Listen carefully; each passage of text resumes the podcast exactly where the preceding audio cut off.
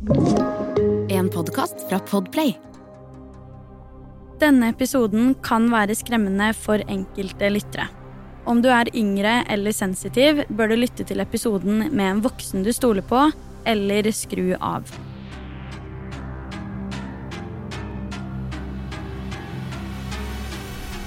Hei og velkommen til en helt ny Forsyningsfredag podcast-episode. Dette her er jo faktisk en litt annerledes episode enn jeg pleier å ha. Eh, I denne episoden så har jeg nemlig min første gjest, som jeg syns er helt sykt spennende. Og dere som har hørt del én, har jo skjønt at vi skal snakke om det paranormale aspektet ved Låsen-drapene. Og i den anledning så har jeg tatt med meg den beste jeg vet på paranormale ting, og det er Victoria Skau.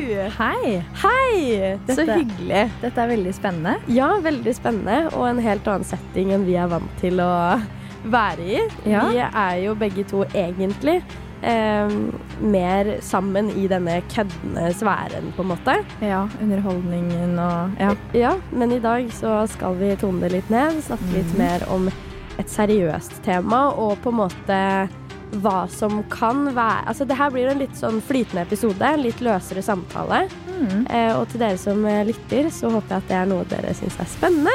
Det syns i hvert fall vi, så må jeg bare beklage for stemmen min på forhånd. Eh, jeg har akkurat vært sjuk, så der har dere den. Men eh, Victoria, ja. du kan jo eh, litt om eh, Låsen-drapene.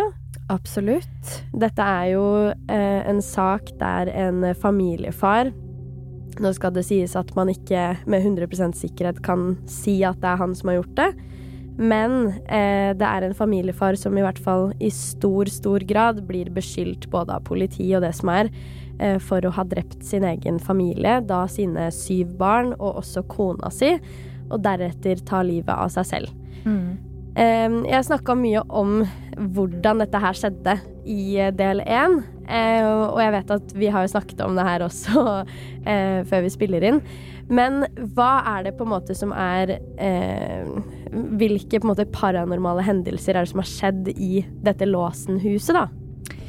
Nei, altså det jeg syntes er veldig interessant med den saken her, er at eh, som dere lyttere også helt sikkert vet, så er jo jeg eh, egentlig kun på det paranormale og hjemsøkte, og du er jo true crime-dronninga. eh, og plutselig så ser jeg da denne eh, Man kan nesten kalle det en dokumentar på Netflix som heter 28 Days Haunted. Og da ble jeg ganske sjokkert over eh, denne Lawson-saken, fordi den har jo aspekt av begge deler. Eh, og det som fascinerte meg veldig, var at det her er jo en klinkende klar eh, drapssak. Absolutt. Um, men det faktum at det er så mange teorier rundt hvorfor drapet ble begått, for det er det ikke så mye av på en måte i andre true crime-saker. Mm. Eh, og i hvert fall ikke at altså det paranormale og hjemsøkte kan ha en faktor i det. Det er akkurat det. Eh, så em, Det er jo da eh, disse paranormale etterforskerne Ed og Lorraine Warren som har en liten eh, finger med i dette spillet, kan man si. Eh, og til dere som ikke vet eh, hvem de er, så har de løst altså opptil 10 000 paranormale saker. Eh, og de er eh, Hva kalles det på norsk? norsk? Dema demonologist. Altså, Demonologist. ja, altså en demonologist. Altså som er Altså Ed Warren, da, var selvlært innen demoner og Ja. det onde. Um, og Lorraine Warren, som da er kona, hun uh, er klarsynt og medium. Uh, og det jeg da nevnte med demoner, uh, har en viktig faktor i nettopp den saken her. For det er jo dit mange tråder blir trukket. Da jeg så denne Netflix-serien, eh, så ble det diskutert mange ganger em, hvorfor han Charles begikk disse drapene, og at eh, veldig mange, både besøkende, folk som har jobba der og sånne ting, hopper alltid tilbake til konklusjonen om at det er en demon som har tatt over sinnet hans. Mm. Em, og det er jo eh, også har vært mye snakk om at han Charles endra veldig atferd. Eh, og det ser man også i 28 Days Haunted på de paranormale etterforskerne som skal undersøke dette stedet. Eh, hvor det er da en mann og en dame som blir sendt ut for å bo der i 28 dager eh, og dykke dypt i den saken, men egentlig ikke vite så mye om saken fra før, eller hvor de skal, eller noe som helst. Og da dukker jo ting opp, og det mest skremmende ved det er jo at denne mannen som er da paranormal etterforsker, endrer seg til å bli som Charles var. Ja. ja det er Eh, veldig interessant. Det er veldig interessant, fordi han er egentlig en veldig jovial, hyggelig eh, type. Supernysgjerrig på det paranormale og eh, supernysgjerrig på dette stedet og få flere svar. Eh, altså, også med tanke på at de selv ikke visste hva som hadde skjedd på dette stedet. Alt de visste, var at her skjer det ting, og her har det vært observasjoner. Mm.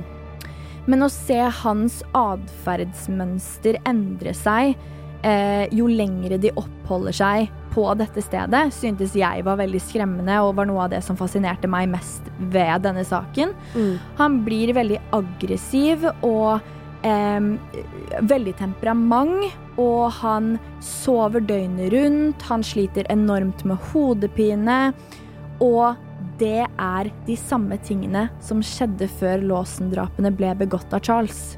Det er akkurat det.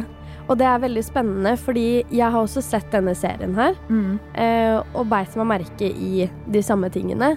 Mm. Eh, og det er også veldig rart, på en måte, fordi det er veldig mange av disse paranormale elementene, og det gir jo selvfølgelig mening, men som man også kan dra tilbake til selve saken og faktaene som har skjedd. Ja, og det er jo også skremmende med tanke på at disse paranormale etterforskerne visste ikke.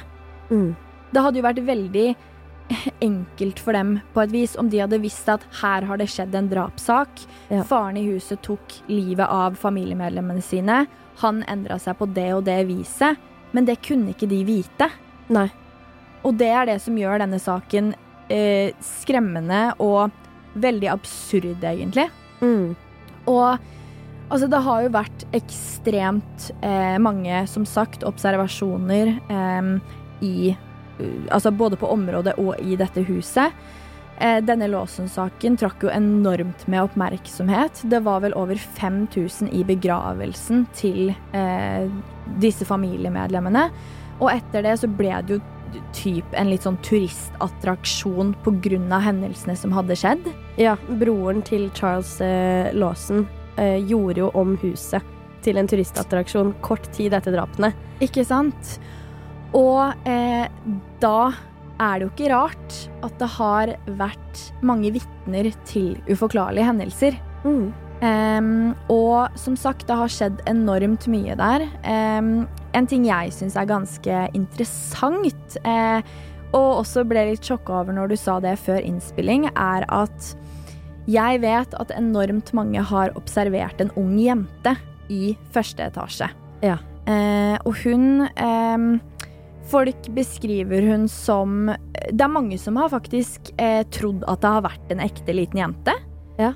Eh, og andre har beskrevet hun som at man tydelig ser at oi, dette er ikke fra vår dimensjon. Ja. Men hun står alltid og ser ut av vinduet, eller står ved vinduet, i første etasje. Ja. Og der fortalte du meg noe ganske interessant. Det er veldig spennende, fordi jeg og Victoria snakka om det her rett før innspilling, at eh, i Lawson-saken så er jo eh, Charles eh, da på en måte gjerningspersonen antageligvis bak drapet på både kona si og en av døtrene sine i første etasje. Eh, Der drepte han også to eh, av sønnene sine, men det som stikker seg ut veldig når det kommer til akkurat det med at de har observert en ung jente der, er jo at han, eh, ifølge på en måte historiene som blir fortalt, så har han skutt først kona si som sto på verandaen, og deretter datteren som skreik inne fra første etasje.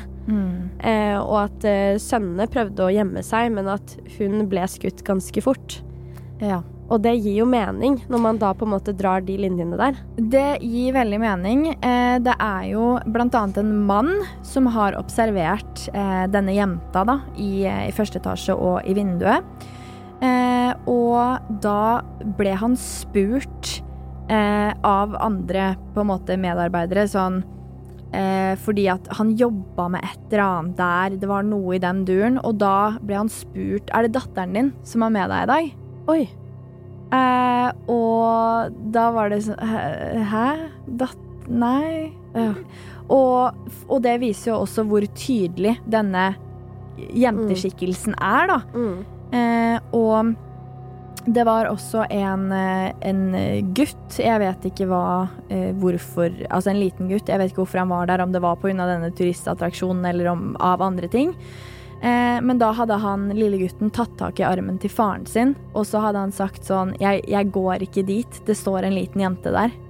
Oi. Det, Eh, jeg syns det er så utrolig sykt, fordi at eh, Jeg ser jo alltid på, en måte på faktaene i saker og liksom er veldig opptatt av den delen.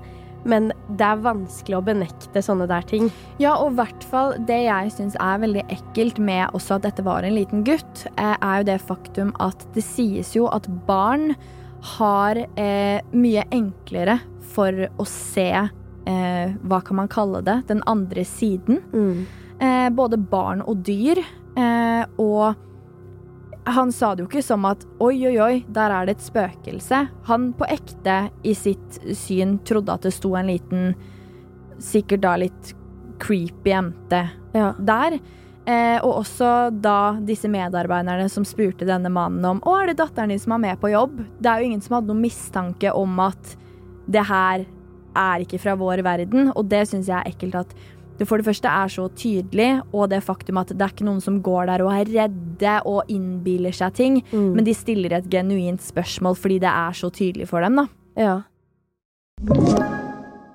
Kronemarked hos Bar. Nå har vi en mengde varer til 10 og 20 kroner.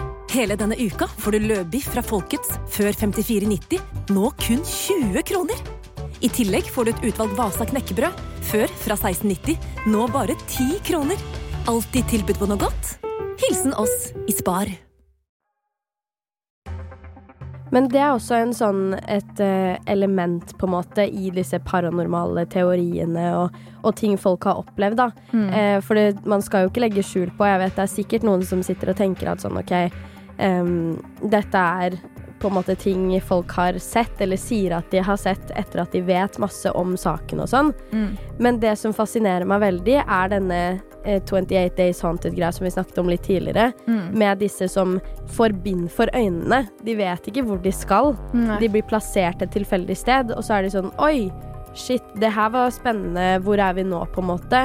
Og de innlosjerer seg her, og så plutselig kommer alle disse tingene som er nesten direkte eh, på en måte tråder man kan knytte til saken, uten å vite om saken i det hele tatt. Det er akkurat det, og at det typ ender opp med en konklusjon om hva som faktisk har skjedd der uten å vite, men bare ved hjelp av instrumenter, da, disse paranormale instrumentene. Og jeg har jo vært med i Spøkelsesjegerne og brukt de samme instrumentene Mm. som de gjør i 28 Days Haunted.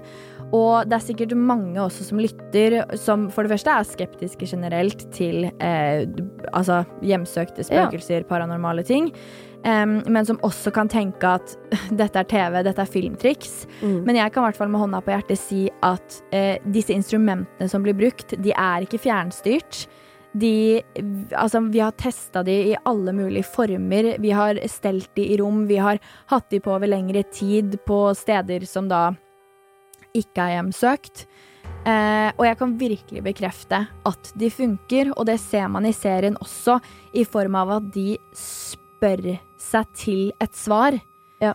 I form av sånn er, For eksempel, er det en liten gutt her? Er det en, har det blitt begått et drap her? Og så reagerer instrumentene ut ifra det. Um, og det har jo også skjedd enormt mange andre ting på det stedet. Altså både ting og eh, bilder har blitt flytta rundt på uforklarlig vis. Mm. Eh, besøkende, og flere også som ikke på en måte har hatt så mye kjennskap til stedet, eh, blir alltid møtt av et kraftig ubehag eh, og en veldig sånn der kjølig, ekkel følelse av at vi er ikke velkommen her. Eh, og det er liksom a big no-no å bevege seg oppover i de andre etasjene.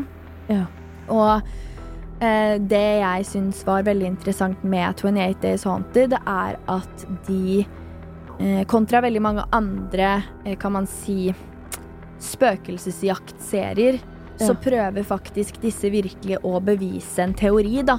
Ja. Med dette med at eh, sløret mellom den virkelige verden og den paranormale verden skal på en måte bli svekka innen 28 dager. Ja. Men måten de gjør det på, er jo å fremprovosere noe så voldsomt. mm. Så når de da sitter med korset, og de sitter og de leser fra Bibelen, og de trigger, og det er jo egentlig ikke ting man skal gjøre, så synes jeg det var skremmende å se at han som da gjorde dette, var han som ble påvirka i en negativ grad i form av at noe tok over da, Mm. i hodet hans, og noe spilte han et puss, og han ensa det ikke selv. Han ensa ikke at atferden hans ble endra. Mm. Og da kan man jo trekke konklusjoner til at kanskje ikke Charles Lawson ensa det heller. Mm. Ja, det kan jo være, for det er jo mange som sier at uh, dette her eh, kan det ikke ha vært Charles Lawson som gjorde. Det er teorier Mm. der ute som jeg snakket litt om i del én, ja. eh, om at han ikke har gjort dette her, at han selv eh, ble drept, eller at han selv begikk eh, selvmord etter Altså med vilje, fordi at han har blitt tatt over av noe. Det gir jo mening, ja. på en måte. Eh, men disse teoriene sier jo at han eh, ikke drepte noen, og at han Oi. da har blitt drept selv. Oi. Og det høres jo veldig rart ut, på en måte, i sammenheng med disse greiene her. Og så er det jo det, vet du, at det er jo ikke noen vitner. Nei. Fordi alle ble jo drept, og han ene sønnen som overlevde, var jo ikke til stede. Så det er jo ingen som faktisk sitter med fakta på hva skjedde egentlig. Mm. Og det er, det er det som også er veldig eh, skremmende. En annen ting som jeg syns er eh, veldig spennende og samtidig skremmende med det du sier med at folk har sett en liten jente, det er dette med disse ryktene eh, som gikk, som enkelte mener at de kan bekrefte at faktisk stemmer. Men disse ryktene med at Charles hadde et forhold til sin eldste datter Marie, Ja. som er hun som ble drept i første etasje. ja. Eh, hun var jo på tidspunktet 17 år gammel. Mm. Eh, altså, man kan jo på en måte se ung ut selv om man er 17, Ja. og man er jo fremdeles ung for det. ja, ja. Eh, og der så skal um, Ella, da, som var en god venninne av Marie, ha sagt at noen uker før så hadde hun eh, sagt at hun var gravid, og Charles var faren. Ja. Så det kan være det at når de da har sett Altså nå drar jeg bare konklusjoner her, dette er ikke sikkert at stemmer i det hele tatt, men Ja. det kan jo ha en påvirkning på hvorfor um, folk har sett en yngre jente, da. Kanskje dette er en jente med eh, mye traumer, eller en eller annen sånn kobling. Og det sies jo også em, at eh, Og altså også på Jeg har jo vært på mange eh, hjemsøkte steder hvor eh, traumatiske ting har skjedd. Mm. Eh, blant annet et eh, tuberkulosesanatorium, mentalsykehus. Steder hvor det sitter enormt mye energi og historie i veggene. Og et faktum er at energi forsvinner ikke. Mm. Um, så eh, Ja, jeg har jo jobba tett med Lilly Bendriss. Og jeg er jo supernysgjerrig selv, fordi at det er jo vanskelig å Vi har jo ikke noe bevis på at eh, spøkelser og ånder finnes. Mm. Men eh, det det ofte sies, da, er jo det at eh, ånder som henger igjen og viser seg, er uferdige Mm. i den dimensjonen her. Mm. Enten fordi noe har skjedd, og i hvert fall i den situasjonen hvor hun har blitt drept, da, Mm. eh, og kanskje var gravid. Altså sånn eh, Ja, det er det det ofte sies, at det er de skikkelsene man ser, fordi det sies at de som på en måte har levd et ferdig liv, eh, og ikke dødd brått Det sies jo også at det er mange ånder som ikke forstår at de er døde. Ja. Eh, så eh, da har ikke de gått inn i da lyset, som det kalles enda, og Mm. henger fortsatt igjen. Og så føltes det jo jeg, Inntrykket jeg fikk av å se denne Netflix-serien, var at det var et sted preget av mye ondskap. Mm. Og hvor kommer den ondskapen fra? Mm. For i den ene episoden så forteller jo hun kvinnen av de to som etterforsker dette stedet, da. Ja. Hun forteller jo at hun kjenner på en eh, mannlig energi som er veldig, veldig negativ og, og ond. Hun sier det jo ut, og når hun er på loftet Nå skal ikke vi spoile for mye, men Mm. når hun er på loftet der, det er et veldig, veldig sterkt øyeblikk. Ja. Eh, som eh, Ja, virkelig. Det er veldig spennende. Og så er det sykt at det går an å ha sånne opplevelser på eh, sånne åsted som er såpass dramatiske som det, det her var, da. Ja, og det sies jo at det er, eh, også med tanke på det jeg sa i stad, at eh, ånder henger igjen der det har skjedd dramatiske ting. Eh, man ser jo veldig gjerne det at på sånne åsteder hvor det virkelig har Ja, eh, så er det paranormal aktivitet også. Mm. Det ser man jo også i den Amityville horror-saken, horror, horror eh, saken, eh, som også Ed og Lorraine Warren har etterforska. Mm. Og ja, til dere som har sett liksom skrekkfilmene eh, som The Conjuring, Annabelle Mm. eh, Dette er jo saker Ed og Lorraine Warren har tatt for seg, og man ser mange av de samme mønstrene.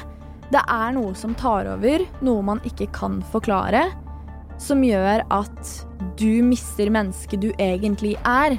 Ja. Eh, og det her er jo som sagt bare teorier. Vi vet jo ikke om Charles var bare en psykopat av en mann, Mm. eh, eller om noe faktisk tok over, men jeg bare syntes det er interessant i form av at ingen vet, og man vil kanskje heller aldri få svar på det. Mm. Og jeg syns jo eh, det er jo også viktig å si eh, i den eh, episoden her at eh, eh, som Victoria sier, da, vi vet jo ikke på en måte hva som har skjedd. Og man skal jo ha respekt for eh, sakene i det at det er jo faktisk syv-åtte mennesker, da. 100%. Som har dødd, på en måte. Og eh, politiet og sånn mener at eh, det er Charles som har begått disse drapene. Mm. Ehm, og det er veldig trist, på en måte, fordi det er jo en grunn til at det har skjedd. Ja, og det jeg syns også er interessant med det, er at det, eh, det er ikke så veldig mange andre saker jeg er sikker på at du har tatt for deg hvor det har vært et tema Nei. at drapsmannen eller kvinnen har blitt tatt over av en demon.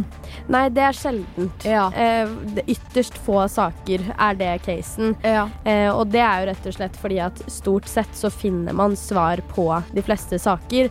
Eller så er det en forsvinning, på en måte. Eller en uløst drapssak har veldig sjeldent eh, det paranormale aspektet. Det har vi jo sett Mm. eh, mange ganger selv. Eh, men det er derfor jeg syns det er veldig spennende. Jeg må bare si det, at det er derfor det er spennende å diskutere rundt dette her. Mm. Eh, rett og slett fordi at det her er en veldig unik sak Men kan jeg spørre deg, hva er din teori? om hva som skjedde. Ja, og hvorfor han gjorde det?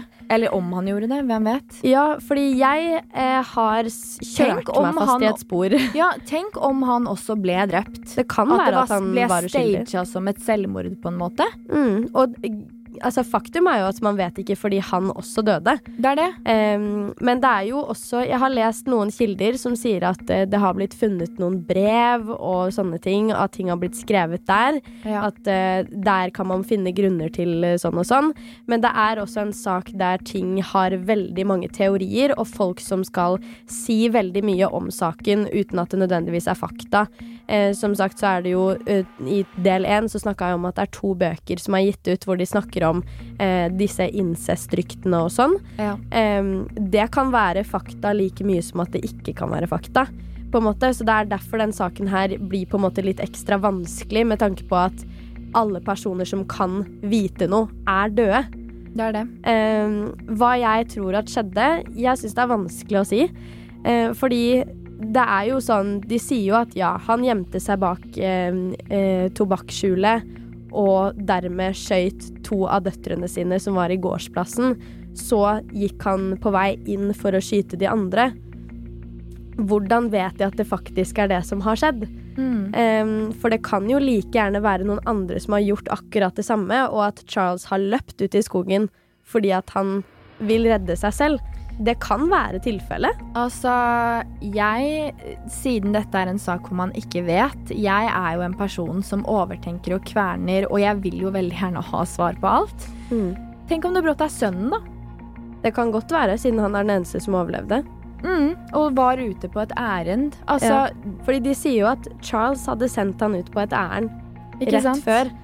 Det kan være at det Hvem vet at det hadde skjedd? Ingen av de er jo gjenlevende. Det er vel eh, forklaringen til sønnen. Ja.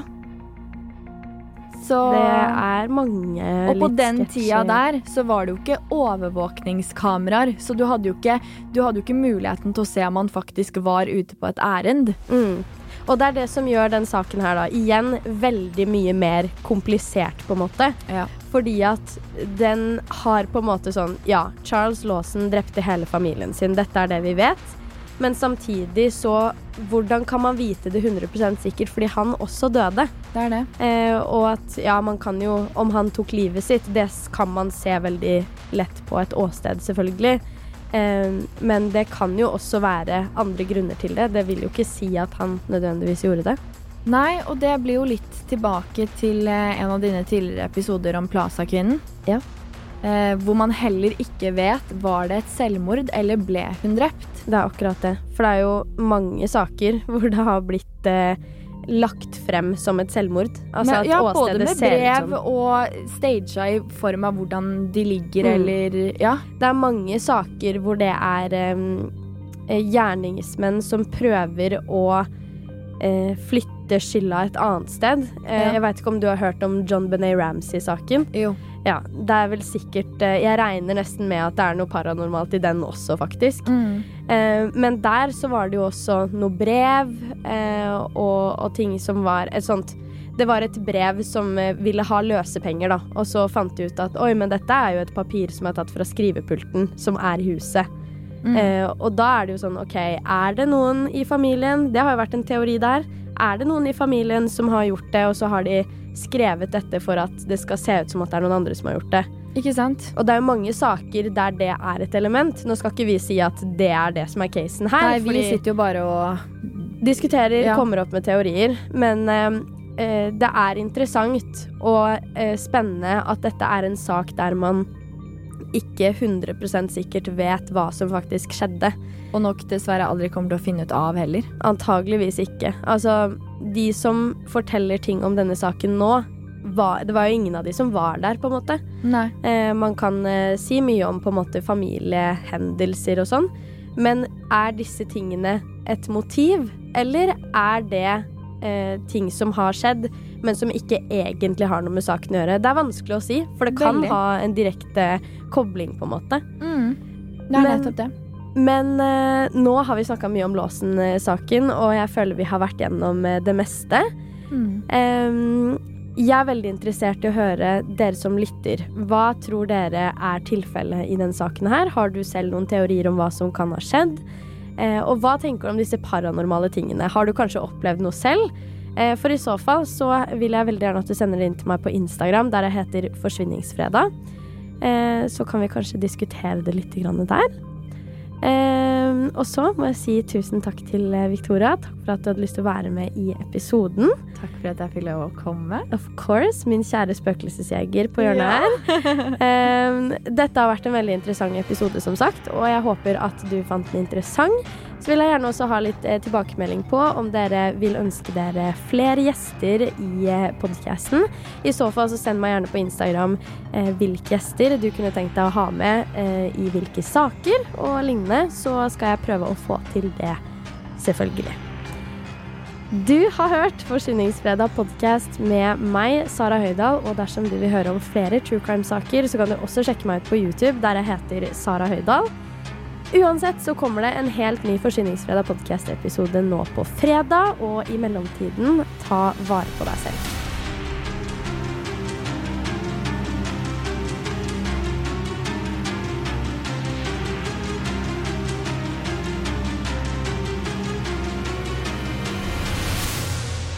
Du har hørt en podkast fra Podplay. En enklere måte å høre podkast på. Last ned appen Podplay, eller se podplay.no.